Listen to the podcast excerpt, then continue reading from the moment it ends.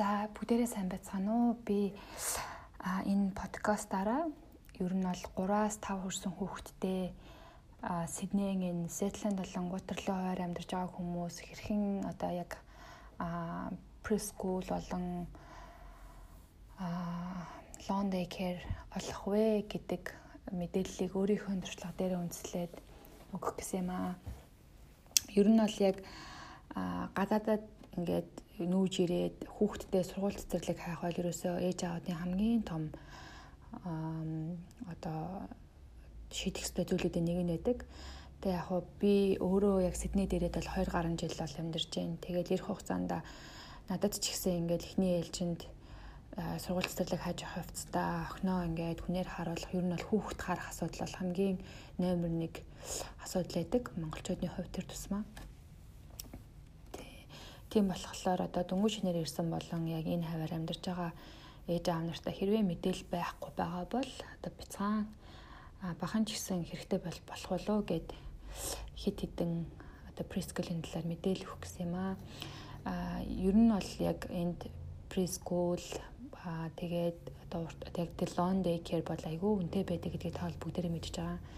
Яг энэ төлбөрөөс нь одоо айгүй олон хүмүүс ерөнхийдөө гэртээ айлсвал ингээл монголчуудаараа харуулад ингээд явж байгаа байдаг. Би өөрөө ч гэсэн ирчээд ер нь бол эхний нэг сар охиндоо чаал гэхээр прескул хайж хавцтай бас охиноо ингээ монголчуудаараа ерөнхийдөө ингээд харуулдаг байсан. Өдрийн ерөнхийдөө 40 доллар өгөөд тухайн үед манай охин бол 3 настай байдаг байсан. Тэгээд аа like яг long day care day care дүгийг гэхэлэр үнэн нь бол үнэхээр үнэтэй байсан. Тэгээд Ацтай охин маань 3 хүрсэн байсан. Ер нь бол 3-аас 5 наснда хүүхдүүд бол прескул явах боломжтой байдаг. Тэгээд энд ерөнхийдөө өөрөө гуглдээд бас энд амьдарч байсан хүмүүсээс мэдээлэл аваад энд KU Kindergarten Union буюу ийм одоо прескулууд яг ингээд дүүрэг дүүрэгтэй байд юм байна гэдэг мэдээллийг аваад тэгээд ер нь тэрийг ойрхон дүүргүүдтэй хайж эхэлсэн. Тэгээд одоо жишээлбэл нэг нь болохоор KU James Cahill Preschool гэдэг энэ болохоор 7 Raglan Street Waterloo байдаг. Тэгээд энэ болохоор өглөө ерөнхийдөө 8-аас 5 хүртэл ажилладаг. Тэгээд төлбөр нь болохоор 90 доллар байдаг. За тэгээд тухайн үед надад бол өдрийн 90 доллар төлөх бас үнэтэй санагдчихсэн учраас охиноо л өгөөгүй. Аа тэгээд дараа нь болохоор John J Carl Preschool гэдэг энэ нь болохоор сарын хилст байдаг. Аа энэ нь болохоор өглөө 8-аас өдрийн 3 хооронд А тэгээ 3 настай хүүхд төлөх төлбөр нас 88 доллар байсан. За миний баажд бол ер нь бол нэг 60 доллараас доошоогоо юм болох олчих юмсан. Яаж хямдхан хүүхдэд сургуулах вэ гэд. Тэгээд энд бас өгөөгүй. А тэгээд хайж явж байгаад Red Fern Occasional Child Care гээд 55 Pitt Street Red Fern нэг юм occasional child care болсон. Өмнөх хоёрыгоо бодох юм бол илүү flexible гэсэн үг. Яагаад вэ гэхэлэр ерөнхийдөө энд нэг нэг өдрийн бүртгэлтэй болцоход ер нь бол 24 цагийн өмнө охин одоо хэрвээ тэдний availability байх юм бол өдөр нэмж авдаг. Альсвал одоо жишээлбэл эх 7 хоног ер нь бол 2-7 хоног гийн өмнө эх 7 эх 2-7 хоногт ял ял өдрүүд хүүхдээ өхвэ гэдэг бүкингээ бол хийдэг. А тэгээ хийцэн байж байгаад бас хэрвээ ингээд ямар нэгэн байдлаар өөрөө офтой бодлоод хүүхдээ авах боломжтой болчих юм бол тэрийгээ бас болиулж болдгоо айгүй тийм надад давуу талтай санагцсан. Өглөө 9-өөс 4 цаг хүртэл а тэгээ төлбөр нь болохоор 60 доллар байсан. Яг нь энэ child care болохоор илүү тийм aboriginal хүүхдүүд илүү ихтэй байсан. Гэхдээ бүгдээрээ л англиар ярьдаг хүүхдэл бол хүүхэд. Тийм имиж надад бол нэг тийм ялгаатай бол санагдаагүй. Тэгээд төлбөр нь л бол чухал байсан. Аль болох flexible байх нь бас илүү чухал байсан. Яагаад вэ гэхээр тухайн үедээ би өөрөө casual-аар ингээд дэлгүүрт ажилладаг байсан. Тэгээд ингээ бас яг ингээд надад эх 7 хоног менежер маань ямар ажил өгөх вэ? Заримдаа ингээд амрал амрах өдрөө ч юм уу те намайг ингээд дууддаг байсан учраас надад ийм флексибл байх нь болохоор илүү давалтай санагдаад тэндээ бол охиноо ингээд нэг хэсэгтээ өгсөн. Мэдээж ирэг ингээд өдөржингөө гэртээ байх айсвал ингээд нэг айлын гэрт ингээд харуулаа байснаас сэтгэлд явхад хүүхд бол маш их юм сурдаг. Аа ер нь бол ингээл орой ингээл охиноо авах охиноо авахд ерөнхийдөө ингээл янз бүрийн крафт хийцэн зураг зурцсан гэл өдөр болгоо нэг юм сурж ирж байгаа нь мэддэжсэн өдөр болгоо нэг үг юм сурж байгаа нь бас надад мэдрэгдэжсэн заримдаа ингээд миний мэдхгүй гэж хүртэл надад ингээл яриад ирдэг. Би өөрөө уцаа гаргаж байл Google дээр л үздэг. А тэгээд цэцэрлэгт угаасаа хүүхд явахаар илүү ингээд э, одоо тэмнэлттэй болж эхэлж байгаа нь хүртэл надад ингээл мэдрэгдэжсэн тэгээд тэндээ явж байгаад ерөнхийдөө ингээд нэг яг 9-с дөрв гэд ихлээр ингээ бас нэг ажил жоохон ингээл амжихгүй тэнгуут нь тэр э, Waterloo байдагт нь бас өгж үжижсэн. Тэгээ тэнд нь болохоор яг арай тэр нь болохоор өглөө 8-аас 5 болохоор яг нэг ажлын цагтаа бас ингээд таарж исэн. Тэгээд арай илүү яг white хөхтөд байдаг. Гэхдээ тэгэл ер нь бол ялгаа байгаагүй. Ингээ ер нь бол надад барыг илүү сул хөөхт хараад байна уу да гэсэн тийм бодол төрж исэн. Тэгээд өмнө нь болохоор би ингээд өөрөө тэр Red Fair Occasion Childcare би өөрөө ингээд нөгөө надад насны дугаар байдаг. Би эх 7 хоногийн эх 2 7 хоногт би тэтгэв дөрөв өндөө би мөнгө хийчдэг байсан. А тэгсэн чинь яг энэ Waterloo байдаг нь болохоор яг данснаас мөнгө татдаг. Тэгээд тэнд нь болохоор нэг за манайхаар бол нэг санхүүгийн компани ингээд тэрийг ингээд тэр процессыг нь хийдэг. Тэгээ ер нь бол ингээд сард л ер надаас нэг 20 доллар ингээд нэг үйлчлэгийн шимнэлт нь яг ингээд аваад байгаа юм шиг харагдаад Тэгээ зарим тохиолдолд бүр илүү ч мөнгө аваад байгаа юм шиг. Тэгээ би өөрөө ингээд яг нэг бүрчлээ ингээд хардаг байсан. Тэгээд менежмент дээр нь очиод ерөөхдөө ингээд илүү төтө авцсан байгаагийн хүртэл ингээд засуулж байсан. Тэгээд ер нь бол яг ингээд нөгөө нэг яг тэдхээс тэд хөдрөл явна гэж тэгэхээр зарим өдөр ингээд заримдаа би өөрөө амарч амарч таарах ч юм уу тэр үед нь болохоор ингээд охиноо өгсөн ч өгөөгүй ч ингээл мөнгөө төлдөг ч юм уу те. А гэтээ яг энэ прескулүүд нь KU-гийн прескулүүд нь public holiday-оор бол мөнгө төлдөггүй байгаа шүү. Тэгээ бас энэ сарын хэлсэхт нь бас өгж үзчихсэн яг ингээд нөгөө нэг эхлээл ингээл за энд ингээл амар их тийм янз бүрийн үндэснүүдийн хүмүүс их байдаг охин манаас ингээл хэл сурахгүй байх юм болов гэл тиймэрхүү айцтай аль болох тийм австралчууд өөртөө байдаг тийм цэцэрлэгт сургуульд нь өгч юмсаа ингээл Тэгээд энэ сарын хэлцтэйхт нөхсөн чинь дандаа вай төгтөд байсан. Тэгээд ер нь бол ингээд нөгөө нэг юг энэ бол надад л ингээл одоо тулгарсан байгаа миний л туршлагаас ч гэдэг бүх хүүхэд ийм байхалгүй байх. А магадгүй миний яриаг сонсоод өөрт нь бас өөр experience байсан эцэг эхчүүд бас ингээд доор нь комент үлдээгээд шинээр ирсэн эцэг эхчүүдтэй бас мэдээлэл өгч бодлогоор тэгэрээ гэж уриалж байна. Тэгээд тэр цэцэрлэгт болохоор яасан бэ гэхлээр охины маань тэр нөгөө нэг уул нь бол ингээл айгүй тийм хөөрхөн өөртөө ихтэй болж эхэлж исэн тэр конфиденс нь ерөөсөө алга болсон. Тэгээ би ингээд ажиллахдаа яасан бэ гэхэлэр ер нь бол ингээл нөө яалтчгүй ингээд хичнээн энд төрсэн хөөгч гэсэн яг энд ээж аав нь англи ярьдаг хүүхдээс бол мэдээж ирэх тэр ярианых нь одоо чадах нь арай бага гэсэн үг шээ. Тэгэхээр ингээд охины маань ерөөсөө анзаардаггүй те хүн ингээд тоохгүй болохоор мэдээж ирэх хүн хүнтэй ярих гэж хүсэхгүй штэ. Ерөөсөө ингээд нэг тийм бүр тийм конфиденс нь байхгүй болоо тэр цэцэрлэгт явах бүр айгүй тийм сонирхолгүй Тэгээ нэг өдөр бүр нүрээстэй амар уруулаад ирсэн. Тэгээ барыг ингээ багш нар хүртэл ингээ үл тоомлорлоод байгаа нь надад ингээ бүр айгүй их ажиглагдсан байхгүй. Тэгээд ерөнхийдөө бас охиноо болиулаад тэгээд тэр үед болохоор манай охин бас давхар балетд явдаг байсан. Тэгээд нэг өдөр балетийнхан ингээд э, охин хүүхдүүд ингээл орцоогоор ээж авт юм яриад ингээд сууж байдаг. Тэгээд тэнд ингээд нэг эцэг ихтэй юм ярьж байгаа. Танаа охин чи хаана явдаг инээ тэрийг л асуусан чинь тэр Poets Corner Preschool гээд 55 Moorhead Street Redfern гээд одоо яг ингээд та нар явахлаар тэр нэг housing байдаг штэ ингээд одоо эдний ингээд нэг тийм олгын төвчин доогор хүмүүс нь амьдардаг тийм нэг ариад байдаг да. Тэнд байдаг нэг тийм preschool байсан. Би болохоор ингээд өмнө нэг харж исэн. Тэгээд ингээд аяам амар локейшнтэй юм чинь бас ингээд хүүхдээ өгөөд яах энэ төргээ бодож исэн чинь тэр манай охины балетынхаа ээж надад юу гэж хэлсэн бэ гэхлээр охин тэнд бараг 2 жил явж байгаа. Тэгээд найз ах нөхдүүд ч гэсэн явдаг. Принципл нь айгүй сайн хүн байдаг. Хичнээн тийм орчин байдаг ч гэсэн а бүр айгүй сайн чайл преско шоу чи сонирхоод үзээрэй гэдгийгсэн. Тэгээ би нэг өдөр өөрөө бүр цаг гаргаад яваад очиод үзсэн. Тэгээ нэрээ ингээд яг ингээд явж явах тэр тухайн орчин интернет надад бүр ингээд айгүй аимшигтэй санагдсан ч гэсэн яг ингээд тэр прескулдаа яваад орсон чинь ингээд бүр ингээд тэр нэг амар газар дах нөгөө гэрэл асцсан нэг тийм гоё газар байсан надаа бүр ингээд э, нэрэл ингээд дэ принципл нуузад утсан чинь яг л ингээд хүүхдийн төлөө гэсэн сэтгэлтэй тэнд барыг ер нь бол 20 жил болцсон тий тэг прескул үшээ тэнд тийм болцсон. Тэгээд э, надад ингээд барыг тэр үнэтэй 80 90 долларын төлжсэн тэр прескулүүдээс илүү тэр принципл хүүхдийн төлөө сэтгэлтэй доторх тэр хүүхдүүдээр хийлгсэн activities center те яаж тэр тодорхой тохижуулсан байгаа энэ нь бол илүү таалагдсан. Тэгээд тэнд охиноо ерөнхийдөө 2 өдөр өгөөд а нөгөө тэр сар хэлс байдагт нь болохоор ерөнхийдөө гаргая гэсэн нотисо өгсөн. Тэгтээ бид нэр 4-7 хоног хүлээх хэрэгтэй байсан учраас А нөгөөдөгт болохоор 3 өдөр өгөөд а тэр Red Fair-нд 2 өдөр өгөөд явуулж эхэлсэн. Тэгсэн чинь тэнд болохоор бид нэр өдрийн 20 доллар төлдөг байсан. Тэгээд надад ингээд нөгөө хямдхан төлбөр төлж байгаа нь бас өөрөө таалагдсан. Аа тэгээ мэдээж хэрэг ингээл те яа хямдхан ингээл хүүхдээ хамаагүй замаагүй газар өгөхгүй штэ. Аа өөрөө очиж үзсэн, багш нартай нуулж үзсэн. Мэдээж яг тэр газар бол яг аборигинал хүүхдүүд бас их байх хандлагатай. Аа тэгээд бас нөө нэг илүү тийм өөр өөр улсуудаас ирсэн те англи хэл нь өөрийнх нь бэкграунд нь биш тийм хүүхдүүд бас байдаг. Гэхдээ тэр хүүхдүүд чинь 3-аас 5 хүрсэн учраас бүгдээрээ ингээд англиар аюу сан ярьдаг. Аа тийм байсан. Тэгээд охиноо тэнд ингээд явуулсан чинь манай охин бүр явах айгүй дуртай. Тэгээл надад бүр ингээд айгүй хэм яриа л тэ ээжээ really надад ингэж хэлсэн. Angel надад ингэж хэлсэн. Lucy надад ингэж хэлсэн. Тэнд тийм бид нар өнөөдөр ийм юм хийсэн. Хүмүүс ээжээ ингээд брэнтэй байдаг. Тэгээ тэр нь ингээд сэтгэдэг ч гэдэм үү те бид нэр ингээд бүгдээрээ скелетонтэй тэгээд тэр хүмүүцийнхэн тэр булчин ингээд тэрийг ингээд хүрээлээд байж идэг ч гэдэм үү тэгэл ээжээ би йога ингэж хийсэн гэж бүр ингээд амар тийм confidence-тэй болоод тэгээд ингээд би өөрөө ингээд бас ингээд охиноо аваач өгөхдөө багш надад ингээд айгүй хэм ярьдаг.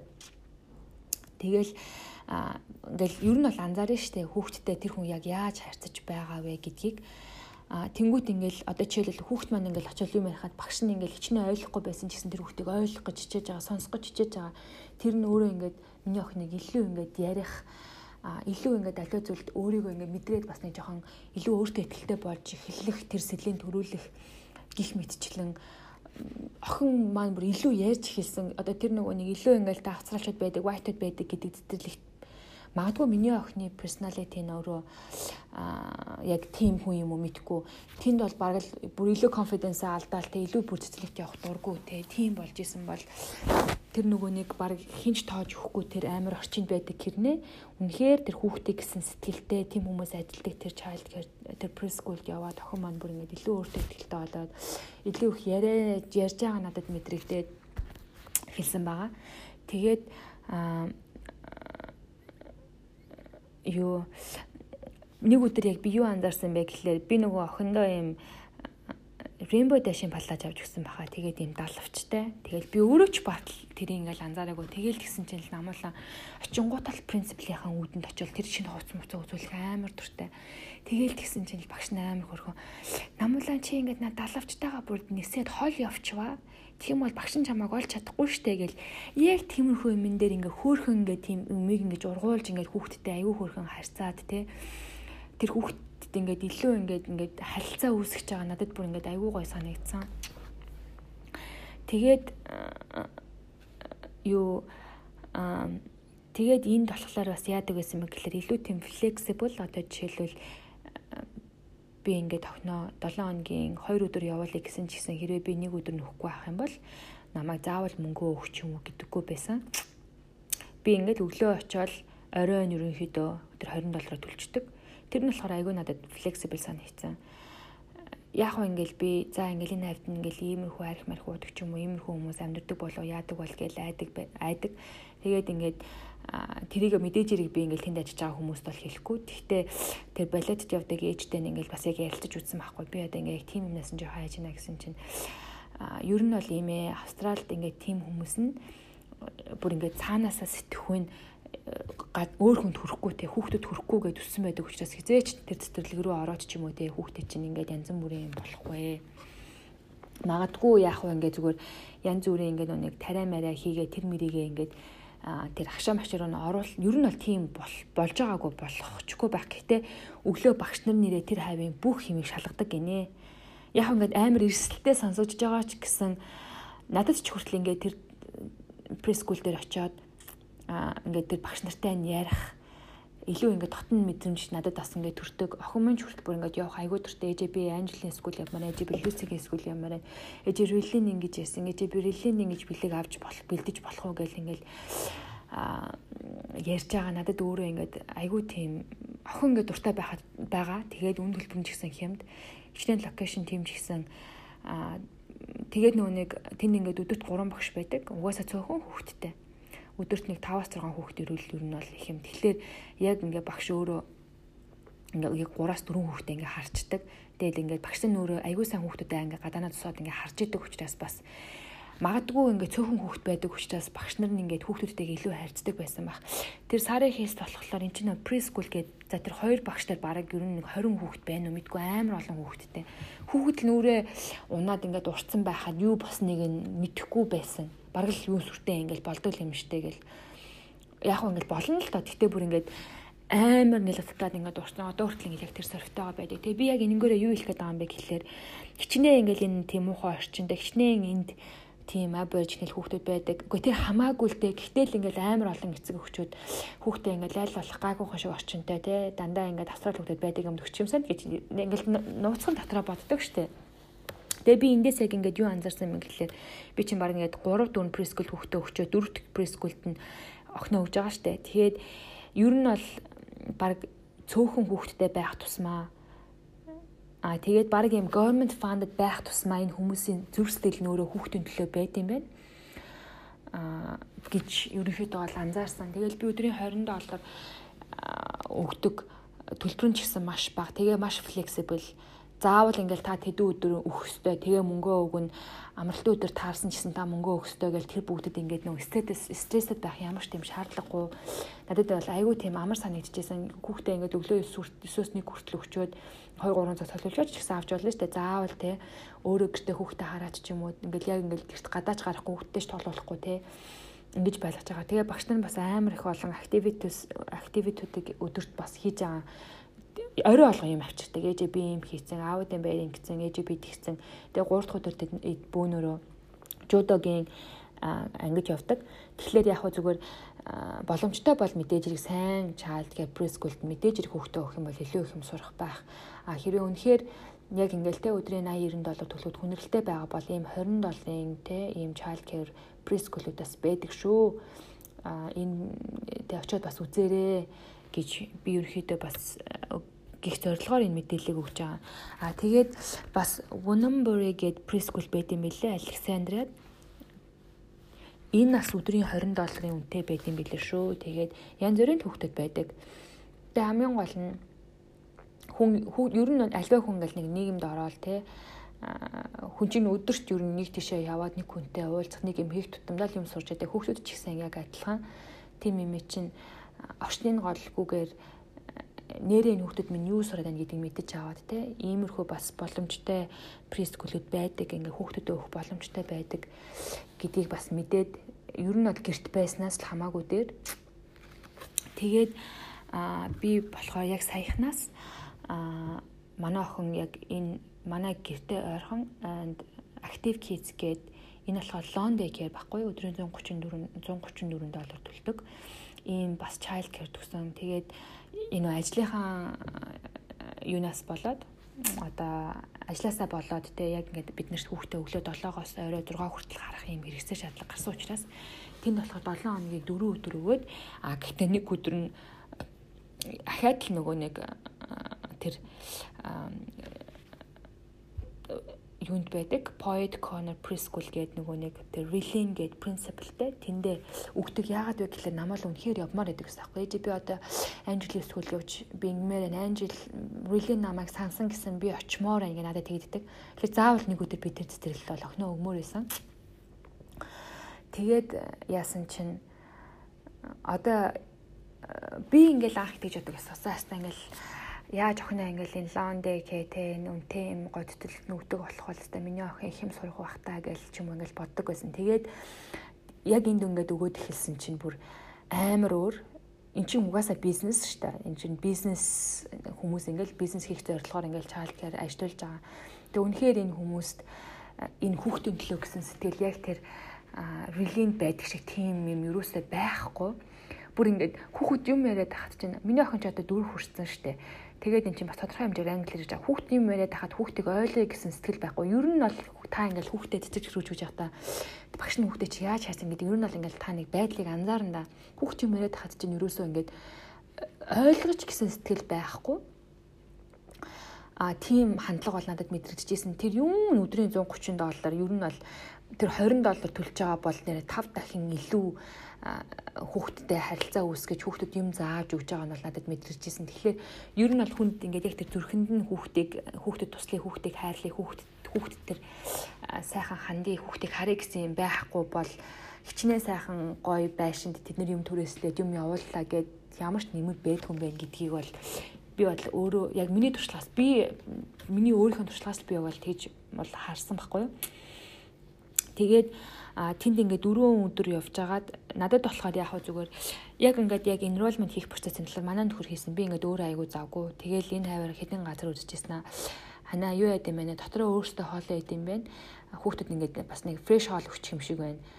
Энд хүчээ мэдгүй одоо эрэгтэй хүн тэгэл гисэн тэгэл би би угаасаа өөрөө завгүй тэгэл за за аль нь чамд гайгүй санагдсан тэр газар тэгэл охиноо өгчээгээл тэгэл манай нөхөр бол яг enrollment их процессыг ерөөдөө хийсэн тэгээд би нэг завтай болоод ингээл багш махштай нь очиод уулзсан чинь ер нь бол ингээл бас амар олон хүүхэд ер нь бол ингээл за ингээл хүслээр л тоглолт юм шүү. Тэрнээс бол яг ингээл нэг прескул байдаг шиг ингээл айгүй мундаг юм хүм зааж өгд юм уу гэхлээр үгүй.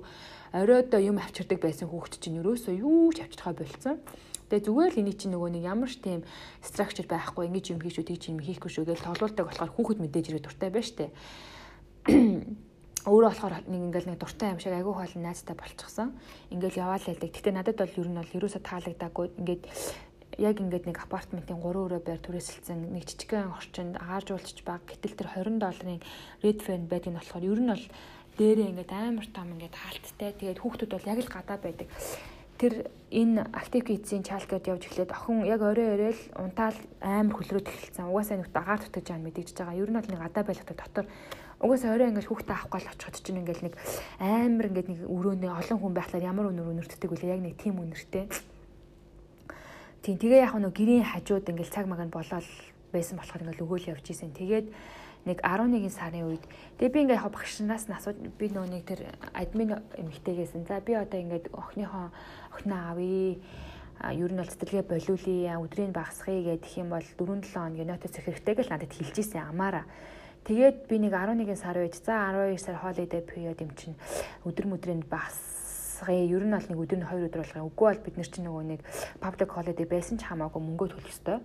Тэгээ би нэг 11 сарын үед би ингээд өдрийг багасгах гэсэн юм а гэд ер нь бол нэг 5 7 хоног маань юу өмнө ярьсан. Тэгсэн чинь гинт надаа та өдрөө багасгах байгаа 6 7 хоногийн өмнө мэдэгдэх ёстой гэдэг. Тэгнэ тэгэхээр би би ерөөсөө тэгэж мэдээгүй. Надад бол 4 7 хоногийн өмнө хэлж байгаарэ гэд би ингэж бодож исэн юм а гэдсэн чинь та тэгвэл гэрээгээ хараа гэдсэн чинь тэрийг нь уншаагүй би сайн хийчиж нөхөр битгаар хоёлаа сайн хийчиж. Гэтэ ерөөсөө өмнөх пресгэлүүдэд нь тэг 6 7 хоногийн нотис өгсдөө гэсэн ямар ч тийм мэдээлэлтэй байгаагүй. Тэгээд нэрээ ингээ гэрээгээ унсан чинь 2 сараас 10 сар хүртэл 4-7 хоногийн тийм нотис өгд юм байна. Аа хэрвээ 12 сараас 2 сар хүртэл бол 6-7 хоногийн нотис өгд юм байл шүү. Энийг бас мэдмээр бид нар чинь нөгөө нэг аах ингээл яадаг. Ер нь бол ингээл альва амны гэрээг уншина гэдэг нь австрал гэдэг оронд үнэхээр чухал юм байна гэдгийг амар ол юмнаас мэдсэн ч гэсэн ахайдын чалкер гэдэг нь бас мэдэрдэм байжээ. Тэгээд охиныхоо өдрийг 4 7 хоног 4 7 хоногийн 4 өдөр явж 2 өдөр болгож чадаагүй. Тэгээд нөө охин маань тэр хүмүүсийн кэр байгаа учраас ингээд ямар нэгэн байдлаар асуудал үүсгэж чадахгүй. Тэгэх юм бол ер нь бол тийм мэдээлч уншиж байсан те хэрвээ та хүүхдийнхаа сургууль мөжлөгчтэй муухай шанд одоо муухай харилцаа үүсэх юм бол тэр энгрийг таны хүүхдэд гаргадаг шүү гэдэг утгаараа бол тэгэл за өстой гэрээг уншаагүй бидний буруу байжээ гэл public holiday яг тэр юу таарсан Christmas Day, Boxing Day бүгдээрэнд нь охиноо харуулаагүй хэмнээ мөнгөний төлсөн. Тэгэхээр яг иймэрхүү асуудал та бүгдийг бас бити ороосэй гэдэг үднээс бас энэ мэдээллийг зүйлээр бас энийг хийж байгаа. Тэгээд байжсэн чинь дараа нэг өдөр охиноо аваад плейграунд дээр байжсэн чинь нөгөө нэг яг энэ актив кейс манай гэрээ хажууд учраас плейграунд очихоор л ангийн хүүхдүүд нь байж идэг. Тэгээд нэг ээж аваас асуусан чинь Гүү штэ бид нэр саяхан л охиныхоо хүүхдийнхаа өдрийг нь юу яасан штэ басгацсан штэ гэл надад хэлж байгаа байхгүй. Тэнгүүт нь ер нь бол ингээл те white яг ингээл англиар ярьдаг хүмүүст нь бас нэг өөр хандаад байна уу? Айлсвал мэдхгүй. Надад ингээ бас өөр хандаад ингээд хандаад миний намайг болохоор энийг ингэж болохгүй гэж хэлсэн үү? Гэхдээ тэр эмэгтэй бол яг надад хэлсэн. Гэхдээ би ингээл ахаал бас ерөөсөө ямар нэгэн байдлаар асуудал үүсгэх хүсээгүй. Шууд ер нь охиноо гаргая гэсэн надад охиноо ингээд ерөөсөө тэр цэцэлгээс нь болиулъя л гэсэн аа юу төрсөн А тэгээ байж исэн чинь нэг өдөр нөгөө нэг манайх нөө direct debitтэй тэгсэн чинь нөгөө тэднийх татхаас өмнө бишээ орлого орохоос өмнө тэр дебит татагдсан. Тэгээд нөгөө reversal transaction болцсон. Тэгсэн чинь дахиад намайг 30 доллараар торгоцсон. Тэр reversal fee гинэ. Тэгээд би ингээд яриад ингээд юм байд юм уу гэсэн чинь дахиад гэрээгээ уншаарай гэсэн чинь нэрээ тийм байсан. Хэрвээ ингээд нөгөө direct debit non-successful болох юм бол тэгнэ гэдэг.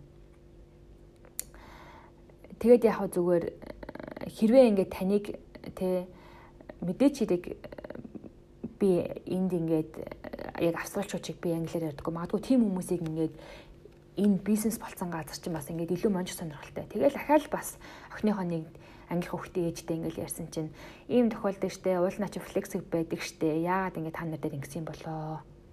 Тэгэхээр ингээд юу мэдгүйг нь далимдуулаад хүмүүс ингээд амар их бас ийм асуудал ингээд болдсон байл шүү. Тэгээ энэ бүгд дээр юу нь бол хаалттай байх хэрэгтэй юм байлээ. Яг ингээд миний эндээс авч сурсан зүйл юу вэ гэхээр гэрээгээ сайн уншаарэ. Тэ заавал ингээл хүүхдээ үнтэй ингээл оо ланг дэхээр төгч юмсан ингэж бас бити бодоорой. Ийм газард ч юм бол ер нь бол бизнес таны хүүхдийг их юм сурах чамсаа хүүхдээ чинь сайн харчих юмсан гэхээсээ илүү эднэрт мөнгө олох нь амар чухал. Тэгээд тэр нөө Greenwood гэдэг нэг child care бүр ингэдэг гэсэн ш нэрээ. Би нэг эцэг гэхээс бас сонсч ирсэн. Худлаа ингээл хүүхдүүдийн ингээл янз бүрийн крафт ч юм activities хийж ингээд дөргөнд арчаал эцэгт нь явуулчихгоо. Тэгэл болиулал нэг газар чимээгүй сууж игээд хийдэг гэж байгаа байхгүй. Тэгэхээр энэ бол ингээл бизнес. Гэтэл тэр миний тэр яриад байгаа тэр 20 долларын child care бол үнэхээр өөр та нар очиод л тэр хүмүүс тэр хүүхдийн төлөө сэтгэлтэй юу нэ тий Үнэхээр ингээд хүүхд туслах тэг хүүхд яг тийм учраас энэ мэржлийг эзэмсэн тэгээд ажиллаж байгаа гэдгийг нь бол мэднэ. Тэр 20 доллар тэгээ муухай орчинд байдаг гэдэг гээд байгаа preschool миний охин бол үнэхээр их юм сурсан. Одоо ч хүртэлтэй ээжээ би тийшээ очимоор байна. Really надад ингэж хийсэн хин юу заасан бэ гэдэг нь хүүхдийнхаа ярианаас та өөрөө үнэхээр мэднэ ээжээ эн чи юм байхгүй юу? Яг ингээл орой яриад ярихгүй ч гэсэн ингээл ер нь ингээл гинт ингээл байж байгаа л баг ингээл цогтой ингээл нэг өдөр байж байгаа л гинт ингээл юм ярихад хин ч хамаад ингэж хэлж өгсөн ингээл тэгэхээр надад Angel тэгж хэлсэн, надад Lucy тэгж хэлсэн, надад Riley тэгж хэлсэн ингээл тэгдэг. Тэгэхээр яг ингээд одоогийн байдлаар саваас 6 preschool child care явсны дараа ер нь бол яг энэ тэр preschool миний охин бол маш их юм сурсан шүү. Тэгэхээр ингээд орчин муухай гэд гололгүйгээр хүүхдүүдэд бас Тэгэхээр ингээд өндөр төлбөртэй газар өгч чадахгүй бол ингээд өөх боломжтой. Би өөрөө хувьтай бол заавал өндөр төлбөртэй тэр fancy амар гой түрээсэлсэн тийм байранд байлаа гэд хүүхд чинь их юм сурахгүй шүү. гэд юм байна гэдгийг би болохоор өөрийнхөө яг туршлага дээр ингээд мэдчих авсан юм аа. Тэгээд яг уу үнэхээр ингээд яг хаана хаана ямар газрууд байсан бэ гэд мэдээлэл авахыг хүсэж байгаа бол би бас над руу бичих юм бол би ингээд мэдээлэл өгч болно. Тэгэд яагаад энэ амар чухал вэ гэхлээр одоо бидний хүүхдүүд бол бидний ирээдүй. За бид нэр ингээл одоо австралид ирээл те ингээл янз бүрийн муухай баг хүний хийдгүү ингээл ажлыг хийж байгаа. Гэтэл бидний ирээдүй бидний хоёр дахь үе эндээс мундаг эмчнэр мундаг хуульчнар а тий мундаг багш нар ингээд болж эхэлнэ. Тэгэхээр яг ийм болохын тулд бид нэр ингээд хүүхдүүдийгээ бас ингээд прескул дүгэндээ гэртээ ингээд байрлахгүйгээр зөв сургууль цэцэл төхөн хүүхдүүдтэй ингээд зөв боловсрол энэ education-ыг олж авах нь өөрөө бидний ирээдүй одоо Монгол улсын хөгжилд энэ бол Монголоос гаралтай хүмүүс л гэж юу нь бол ярина штэ. Тийм учраас энэ өөрөө маш чухал учраас яг ингээд энэ тал дээр ингээд бахан ч гэсэн хэрэгтэй хүмүүст нь туслахаар мэдээлэл хүргэе гэж бодоод яг энэ подкастыг хийлээ. Тэгээд хэрэгтэй хүмүүс нь цагаа заваа гаргаад сонсоорой. Мэдээлэл илүү дэлгэрэнгүй мэдээлэл авахыг хүсвэл бас өмнө хэлсэнчлэн ингээд холбогдоод мэдээлэл авч болно. За бүгдээрээ сайн байцгаана уу? За миний ажилладаг компани а шинээр ирсэн одоо захирал маань одоо хамгийн дөрүүлээд авсан арга хэмжээ нь юу байсан бэ гэхлээр бид нэрт одоо nutritionist урьж авчираад айгүй үнэтэй тийм nutritionist урьж авчираад хэрхэн одоо зөв хооллох тухай сургалт явуулсан.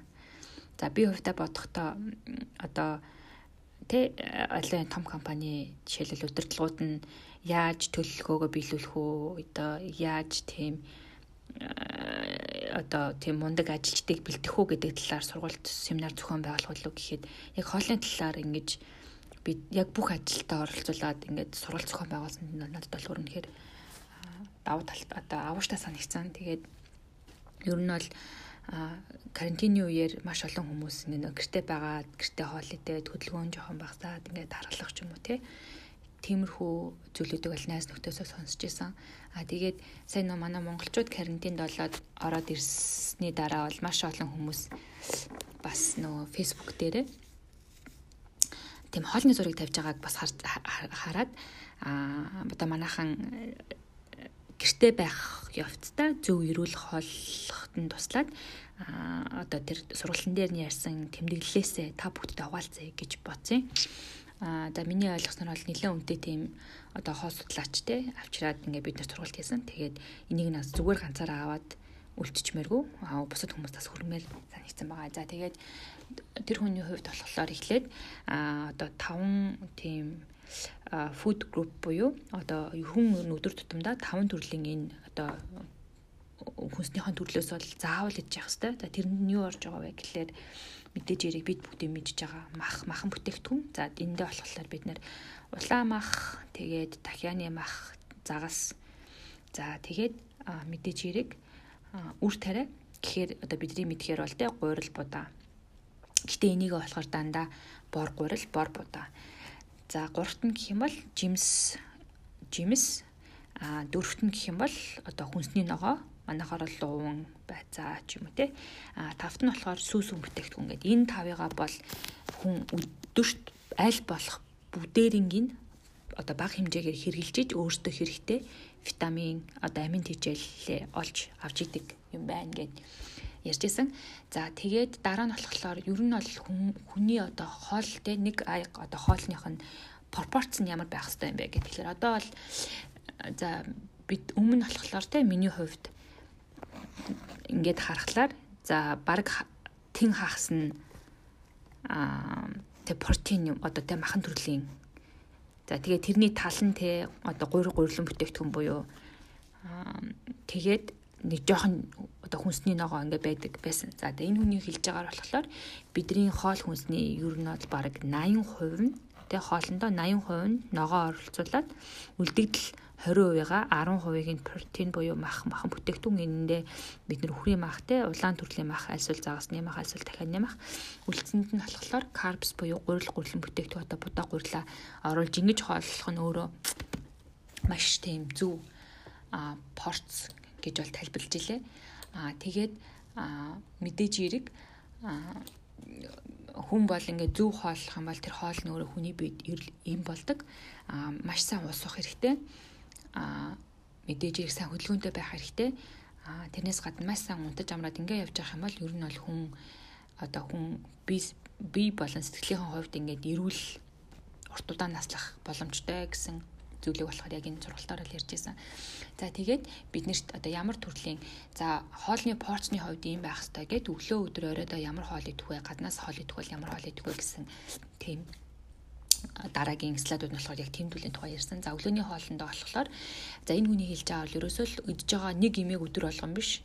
Аа эсвэл нэг зүйлээ өдөржингөө идэж болохгүй айл болох маш олон төрлийн зүйлүүдийг багтааж идэх хэрэгтэй гэсэн бол зүйлийг ярьж байгаа. За өглөөний цайндаа ямар хоол хүнс хэрэглэж болох вэ гэхлээр мэдээж хэрэг oat meal ч юм уу те а oat meal-ийг одоо тархтай ногоо холиод ингээд идэх боломжтой. За дараагийн өдөр нь магадгүй бүхэл өрийн талах авокадо өндөгтэй хойлоод идэж болж байна. За аль эсвэл сайхан тийм жимсээр одоо смути бэлдээд ингээд хэрглэж болж байна. Тэгэхээр яг ингээд өдөр болгон тийм эрүүл өөр төрлийн өглөөний цаг өөртөө бэлдэж уух нь маш чухал. А ер нь бол өглөөнийхэн цагаа уудаг хүмүүс тэнээсээ үдээс хооштой идэх хоолных нь эрүүл одоо сонголт нь эрүүлээдэг гэсэн бас тийм судалгаа бас байдаг юм байна л да.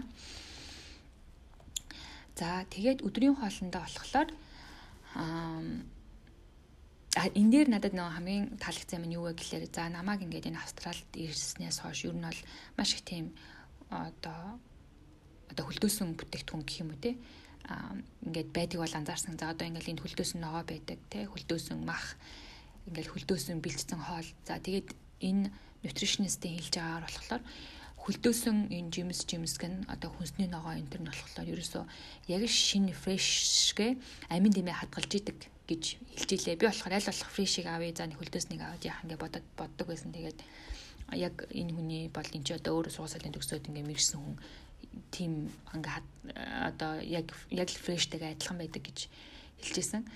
За тэгээ өдрийн хоолндоо болохоор за а одоо бор будаа тунатай тэгээд одоо хөлдөөцсөн тийм vegetable одоо хүнсний ногоог хооронд ингээд холиод халаагаад идэж болно гэсэн. За альсвал салмон загсыг sweet potato те тэгээд бусад төрлийн ногоонуудаа одоо нарийн ногоон салаатнуудын оруулаад идэж болж байна гэж байна. За альсвал стейкэн дээр салаад тэгээ бас одоо baked potato хийж болж байна. Тэрийг скинтэйгээ цуг. За vegetable omelet байж болж байна. Spaghetti bolognese байж болж байна.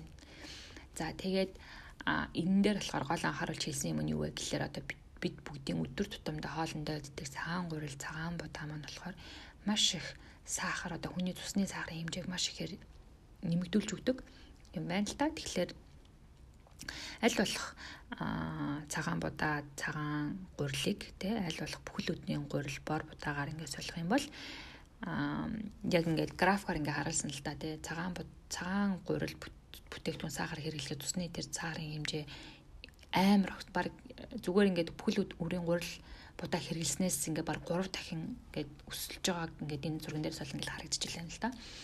Тийм тэгэхээр аль болох ер нь цагаан будаа цагаан бүх зүйлүүдийг л борлуу бүхэлрүүл шилжүүлэх хэрэгтэй байна гэж би ойлгосон. За тэгээд оройныхон хоолндоо болохоор яг нөгөө нэг өмнө хэлсэн тэр пропорцаа барьж байгаа. Ерөөсөө мах бол ерөөсөө 10%. За карб буюу будаа тэр будаа энтрийг бас 10%. За ер нь бол бараг л 70-аас 80% нь бол чим одоо хүнсний ногоо тэгээд нарийн ногооны салаатнуудыг байлгахыг сонгоорой, зориорой гэсэн байсан. За ямар ямар за тэгээд хэрвээ одоо гадуур хоол идэхээр болох юм бол бас ямар хоол идэх вэ гэсэн тийм зөвлөгөөг өгсөн. Та энэ дээрээс болохоор надад зүгээр ингээд хамгийн тийм сонирхолтой санагдсан зүйл нь юу вэ гэхээр одоо манайхан чи ингээд өөртөө хоолны дайеттай тэгэл ингээд салаад авах та тэр нөө салаада амталдаг тэр дрессингээ хажуу талд нь тавныхаа хажуу тавья хийхгүйгээр авъя гэж хэлвэл зүгээр юм байна л да. Тэгэхгүй бол нөгөө нэг хичнээн гоё ингээ ногооны салаад ирсэн ч гэсэн тэр дрессингүүд нь маш их тийм фат ч юм янз бүрийн амлагч байсан болохоор ингээ таны дайтыг одоо шууд дайтны эсрэг байх боломжтой учраас бас яг ингээд тэр ресторан дээр хоол идэхдээ тэгж хэлж бас болох юм байлээ. Энэ болохоор надад авштай санаа юм болоо гэж утсан.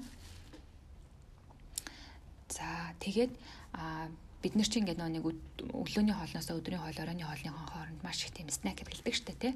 За тэрэндээ мань одоо янз бүрийн тийм гурил гурлан бүтээгдэхүүн хэрэглэхийн хооронд юу ээж болох вэ гэхлээр сайхан угаагаа цэвэрлэгдсэн луван тэгээд альсвал селери байж болж байна.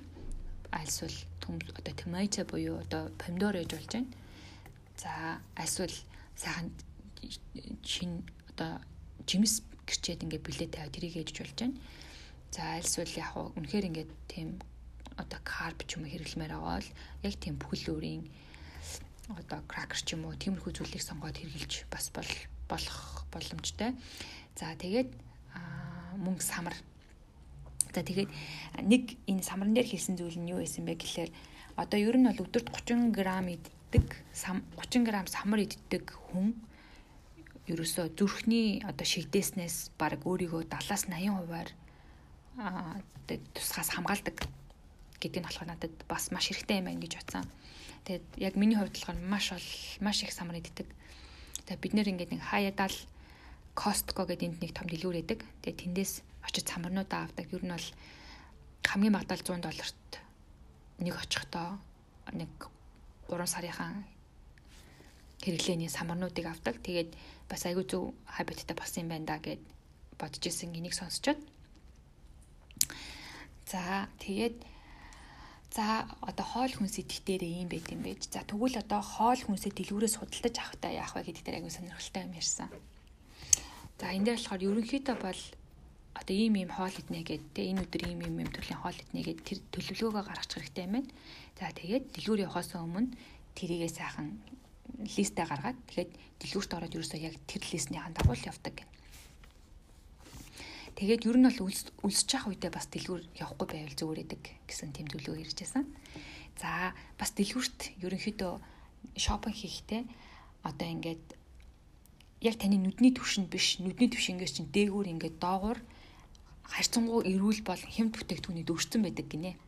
Энийг бол ерөөсөө баг 70-80%-ийн баталгаатаагаар батал одоо судалгаатаагаар баталгаажсан зүйл хийж ирж илээ. Би бас яг тийм болов уу гэж бас бодсон. За тэгээд дэлгүүр хэсэгтээ бас яг тэр дэлгүүрийнхаа одоо perimeter-ийн дагуу нь яваарай гэж хэлж илээ. Тэгээд ингээд юу гэж ярьсан бэ гэхээр одоо ингээд яг бидрийг ингээд дэлгүүр ороход хамгийн түрүүлээд алим одоо жимс байдаг гинэ. За тэгээд дараагийн тасагт нь юу гэдэг вэ гэхээр одоо талах талхан бүтээгт одоо карб буюу те гурил гурлан бүтээгдэхүүн талах ингээд ийм төрлийн зүйлүүд байдаг. За тэгээд энэний дараагийн одоо хэсэг нь болохоор мах махан бүтээгдэхүүн.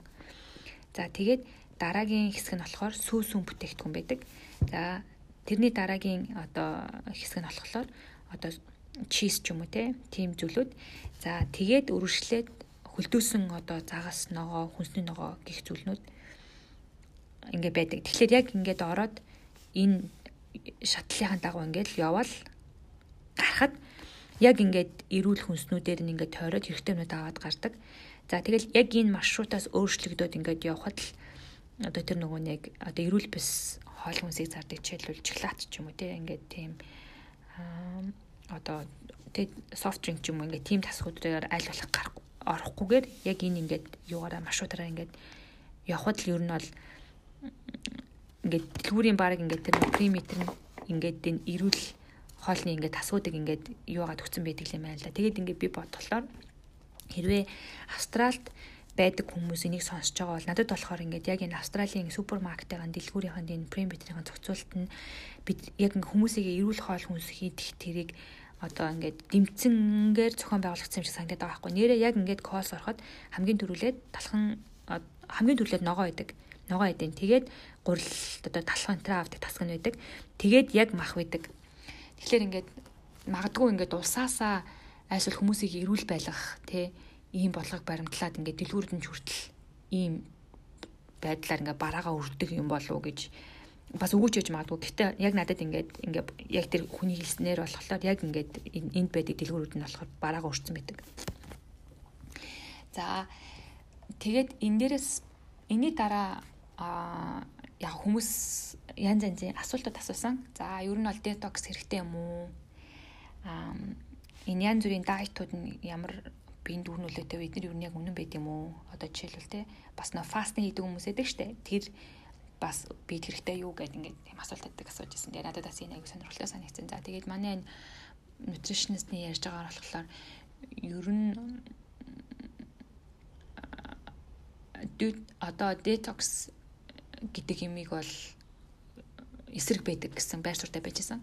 Яагаад вэ гэхэлэр хүний одоо бөөр болон одоо элэг гэдэг энэ хоёр чухал хэрэгтэн маань өөрөө бидний биеийг цэвэрлж идэг юм байна л да. Тэгэхээр заавал тэгэж одоо детокс центр гээд тийм илүү зүйл биднэрт хэрэггүй. Хэрвээ энэ хоёр хэрэгтэн маань л эрүүл зөв ажиллаж байгаа бол ингээд бид нэр цаанаасаа ингээд энийг ингээд бидний бие махбод ингээд цэвэрлэгдэж идэг. За ер нь энэ детокс гэдэг энэ энэ зүйл нь өөрөө яг үнийг хэлэхэд хүнийг одоо ямар нэгэн витамины ч юм уу тийм эрдэс бодисыг бодисын дутагдалд ороход за аль эсвэл а энергийн түвшин одоо энергигүй болоход аль эсвэл ингээд ядрах тийм яванда үр дагавартай байдаг юм байна л да. Тэгээд ингээд физикли юм үр дагаврыг авчрахаас гадна хүний ингээд psychological бас ингээд одоо аффект болж идэг урт хугацаанд. Тэгэхээр а энэ хүний одоо энэ nutritionist-ийн ярьж байгаагаар болохоор detox дээр юм бол эсрэг байдаг. Хамгийн гол нь хүн өөрөө хамгийн гол нь ирүүлээдээ амьдралын зөв маягтай дасгал хөдөлгөөн хийгээд усаасаа аваад унтаж амарж яхад таны элэг бөөр угаасаа эрүүл зөв ажиллана. За энэ элэг бөөр хоёр маань л өөрөө үүргээ гүйцэтгэж яхад ингээ хүн биеэсээ энэ бүр зүйлээ ингээд гадагшруулж идэм байх гэж бол ярьжсэн. За тэгээд а бас сапламентийн тухай ярьж байсан. Ер нь ингээд хүмүүс одоо нэмэлтээр тэ сапламент буюу витамин ингээд ууж хэрэглэх шаардлагатай юм уу гэд. За энэ үний хувьд бас эсрэг байр суурьтай ерөөс бол мөнгөний гарц гэж хэлжсэн. За ялангуяа Австрали энэ хөгжин орнуудад жимс жимсг нь бол ингээд ургаж идэг гэрүүлээдэг. Тэгэхээр ингээд хамгийн гол нь өөрийнхөө тэр таван тэр гол бүтээгдэхүүнээ хэрэгжилж байгаа тохиолдолд бол хүн хоол хүнснээсээ витамин авчдаг юм байна л да. Тэгэхээр заавал тэгэж нэмэлтээр илүү дутуу витамин уух бол шаардлагагүй. За үнэхээр ингээд цусны шинжилгээгээр ямар нэгэн байдлаар аль нэг витамины чинь төрлийн дутагдсан байна гэх юм бол харин ингээд нэмэлтээр ууж болдог гэж хэлжээ.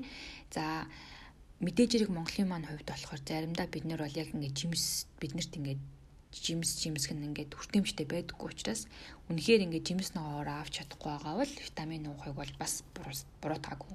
Тэгэхээр яг нөө эн чинь Австралийн кейсээр ярьж байгаа учраас бид нар ч нөө өөрсдөө жимс ногоо энд ингээд элбэг дэлбэг байдаг учраас бол үүн бол хэрэггүй гэсэн тийм байр суурьтай байсан. За тэгээд аа ер нь нөгөө айгүй олон хүмүүс ингэж итгэж боддог штэ. Одоо ингээл нь бидний гурил гурлан бүтээгдэхүүн тархалуулдаг гэдэг. Тэгээд энэ хүний хэлж байгаагаар болохоор энэ болохоор яг тархалтын шалтгаан болдгоо. Хэрэв үнэхээр ингээ бүл өөрийн гурил будаа хэрэглэж байгаа бол харин ч үнийг бас турхад ингээд ашиглаж болдог гэсэн тийм зөвлөгөө хүчээсэн. За тийм тэгээд юуны тухай бас ярьжсэн фастан тий одоо ингээд нөө манайхан чинь ингэдэг штэ 16 цаг хоол идэхгүй байж байгаа 8 цагийн хооронд нь юм идэнэ гэдэг. Энийг бас юу гэж хэлжсэн бэ гэхэлэр энэ болохоор өөрөө юу идэх вэ гэдгийг чинь зохицуулах биш зүгээр хизээ идэх вэ гэдэгт нь зохицуулт хийдэг учраас бас урт хугацаанд бол нэг тийм сайн үр дагавартай биш гэж хэлж илээ. Яагаад вэ гэхээр хүн чинь 8 цагийн дотор идэнэ гэхэлэр яг энэ хугацаанд өөртөө одоо нөө идэж болох тэр таван одоо гол хүнснийхэн бүтээгдэхүүнийг заримдаа идэж амжихгүй болохоор бас ингээд нөгөө амин дэмийн түтгэл тийм үүсэх эрсдэлтэй байдаг учраас үнний бол бас эсрэг байсан. За тэгээд нөгөө кето диетийн тухай бас ярихдаа ихэд л нөгөө янз бүрийн хоол энэ төр хасхыг хасах юм бол эсрэглээд юм хэлээ л дээ. Энэ нутришн гэдэг юм чи өөрөө хүнийг хоолыг асуулдгүй хүнийг одоо хоол идэх цагийг багсадгүй хамгийн гол нь одоо шинжлэх ухааны үндэслэл суурьтайгаар зөв хоол хүнсийг а одоо тэр амин одоо тэр таван одоо фуд группийн тэр зүйлүүдийг л одоо зөв зохицуулаад идэх нь айгүй чухал гэж ярьж байгаа учраас ер нь бол энэ фастинг ч юм уу keto diet ч юм уу энэ detoxing энэ төр дээр болохоор яг тийм жоохон урт хугацаанд үр дагавар сайтай биш учраас бас нэг тийм юу яаж бол яриаггүй үр дүнтэй гэж бол ерөөсөө яриаггүй. За тийм тэгээд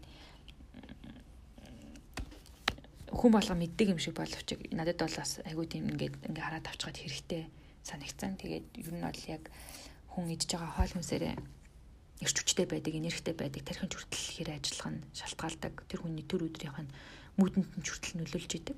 Тэгэхээр хоол хүнсээ цөмөрөө өөрсдийнхөө бие одоо биеийг эрүүл байлгах, хурдуудаа наслах, за тэгээд эрч хүчээ авах одоо эмээ болгож хэрэгэлцгээе. Тэгээд гэртээ байгаа манай монголчууд бүгдээрээ сайхан эрүүл хоолны хим маягт суралцаад ингээд гэртээ бас гоё хоолнууд хийх байх гэж бодож байна.